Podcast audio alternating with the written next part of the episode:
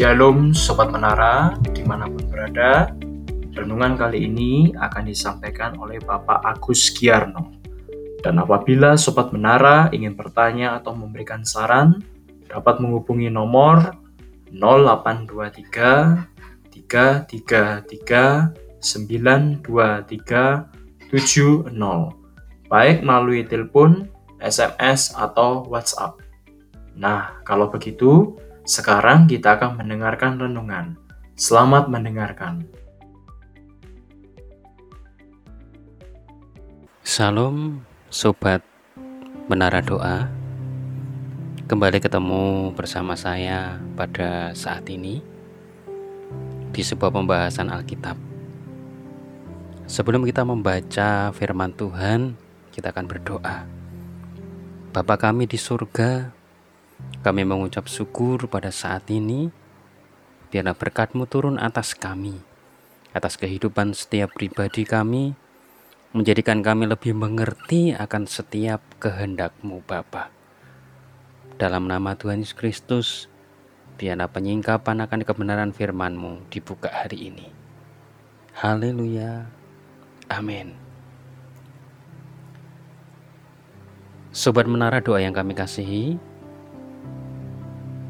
mengacu kepada sebuah kekristenan, kita mengerti akan apa yang harus kita kerjakan. Hanya satu hal yang Tuhan mau dalam hidup kita, menurut kehendak akan Bapa di surga. Tetapi pada saat ini kita akan membaca di nas firman Tuhan yang terdapat di dalam Matius pasal 18 ayat yang ke-20. Demikian firman Tuhan.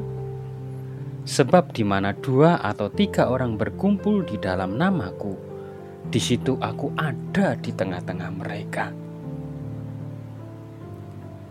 Saudaraku yang kami kasihi,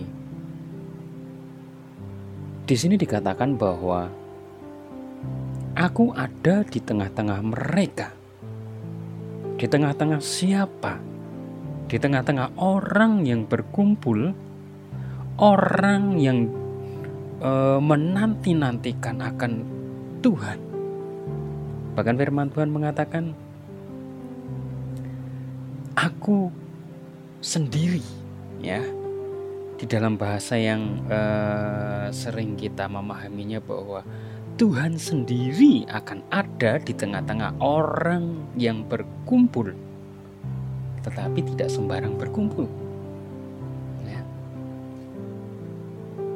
Kalau di sini dikatakan di mana dua atau tiga orang berkumpul di dalam namaku, kita garis bawah di dalam nama Tuhan Yesus Kristus. Maka di situ Tuhan ada di tengah-tengah. Ini sebuah tanda bahwa Tuhan ada dan menyertai. Boleh dikatakan bahwa itu berbicara tentang kehadiran Tuhan. Nah, bagaimana supaya Tuhan itu ada di tengah-tengah kita ketika kita berkumpul? Apakah hanya ketika kita berkumpul di dalam nama Tuhan Yesus? Ya, lebih masuk ke dalam kita baca di ayat yang ke-19 ayat yang sebelumnya di situ dikatakan dan lagi aku berkata kepadamu ya saya ulangi sekali lagi dan lagi aku berkata kepadamu aku. Ya Tuhan Yesus sendiri yang mengatakan jika dua orang daripadamu di dunia ini sepakat meminta apa pun juga permintaan mereka itu akan dikabulkan oleh Bapakku yang di surga. Ya.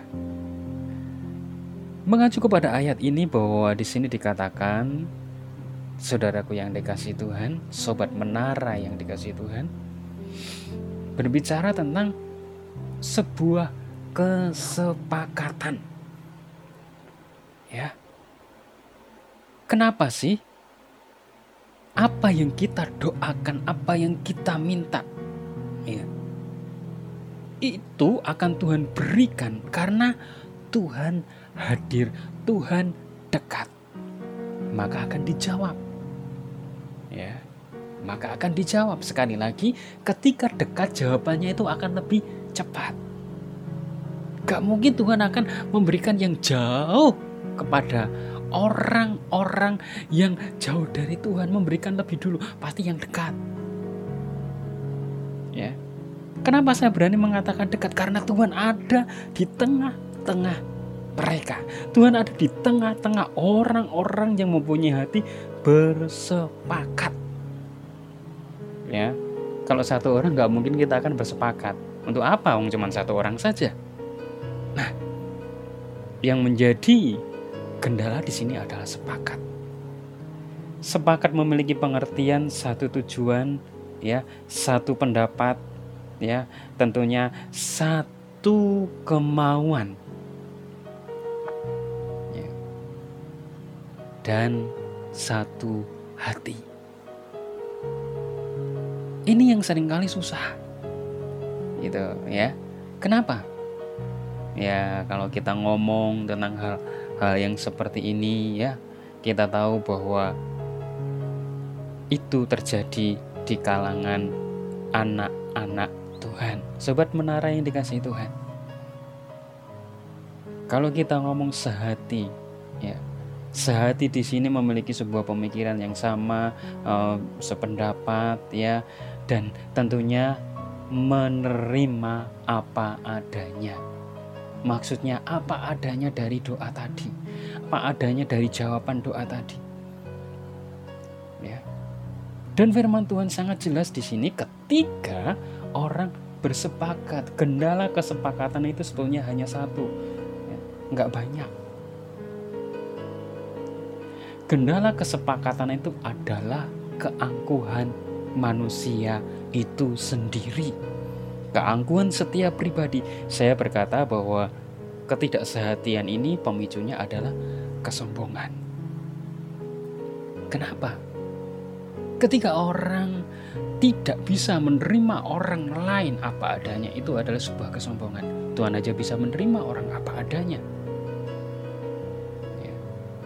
Dan bagaimana orang itu ketika tidak bisa menerima orang apa adanya? maka tidak akan terjadi sebuah kesepakatan. Yang kedua, kesombongan itu mengacu kepada pribadi orang merasa bahwa dia super, hebat, bisa lebih dari yang lain. Sehingga dia hanya memandang orang lain sesuatu yang negatif saja, orangnya saja. Ya, firman Tuhan mengatakan jangan duduk di dalam kumpulan orang pencemooh. Orang yang sombong hanya mencari kesalahan orang lain. Dia hanya bisa mencari, menilai kurangnya orang lain. Dan akhirnya dia mengatakan sesuatu tentang kekurangan orang lain. Itulah cemooh. Begitu. Ya, sehingga tidak ada sebuah kesehatian. Kalau dia ada sebuah kesehatian, maka apakah Tuhan hadir? Firman Tuhan dikatakan demikian.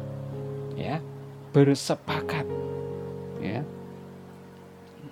Kalau kita mengacu kepada ayat-ayat dua ayat ini saja sebagai sebuah perenungan pada saat ini. Ya. Saya merasa bahwa ini sebuah perenungan yang sangat luar biasa. Sebuah rahasia yang besar yang mungkin harus diungkap di sinilah letak keperluan seorang anak Tuhan Inilah keperluan seorang Kristen untuk mengerti, bukan saja tahu, tetapi mengerti dan melakukan. Ada banyak orang yang tahu tetapi tidak melakukan. Ada banyak orang mengerti tetapi tidak melakukan. Apa yang terjadi? Tuhan akan berkata, "Enyahlah hai engkau pembuat kejahatan."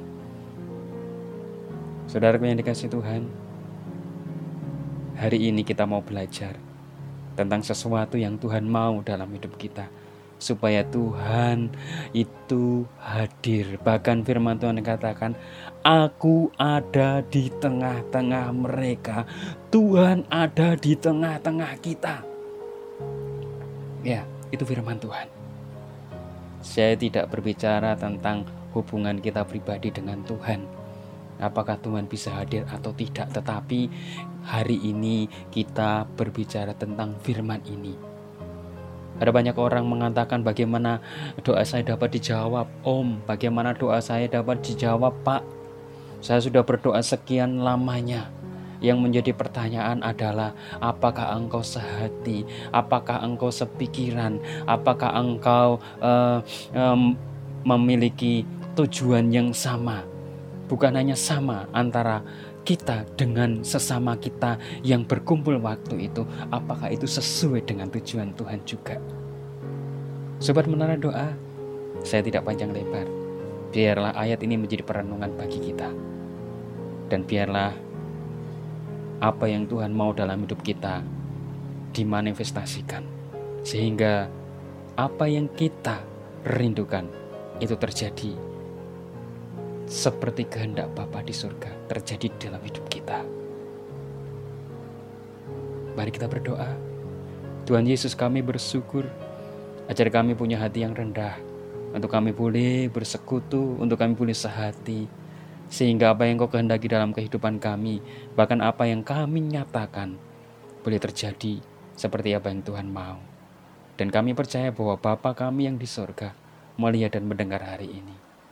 Dan kami serahkan semuanya ke dalam tanganmu dalam nama Tuhan Yesus Kristus. Haleluya. Amin.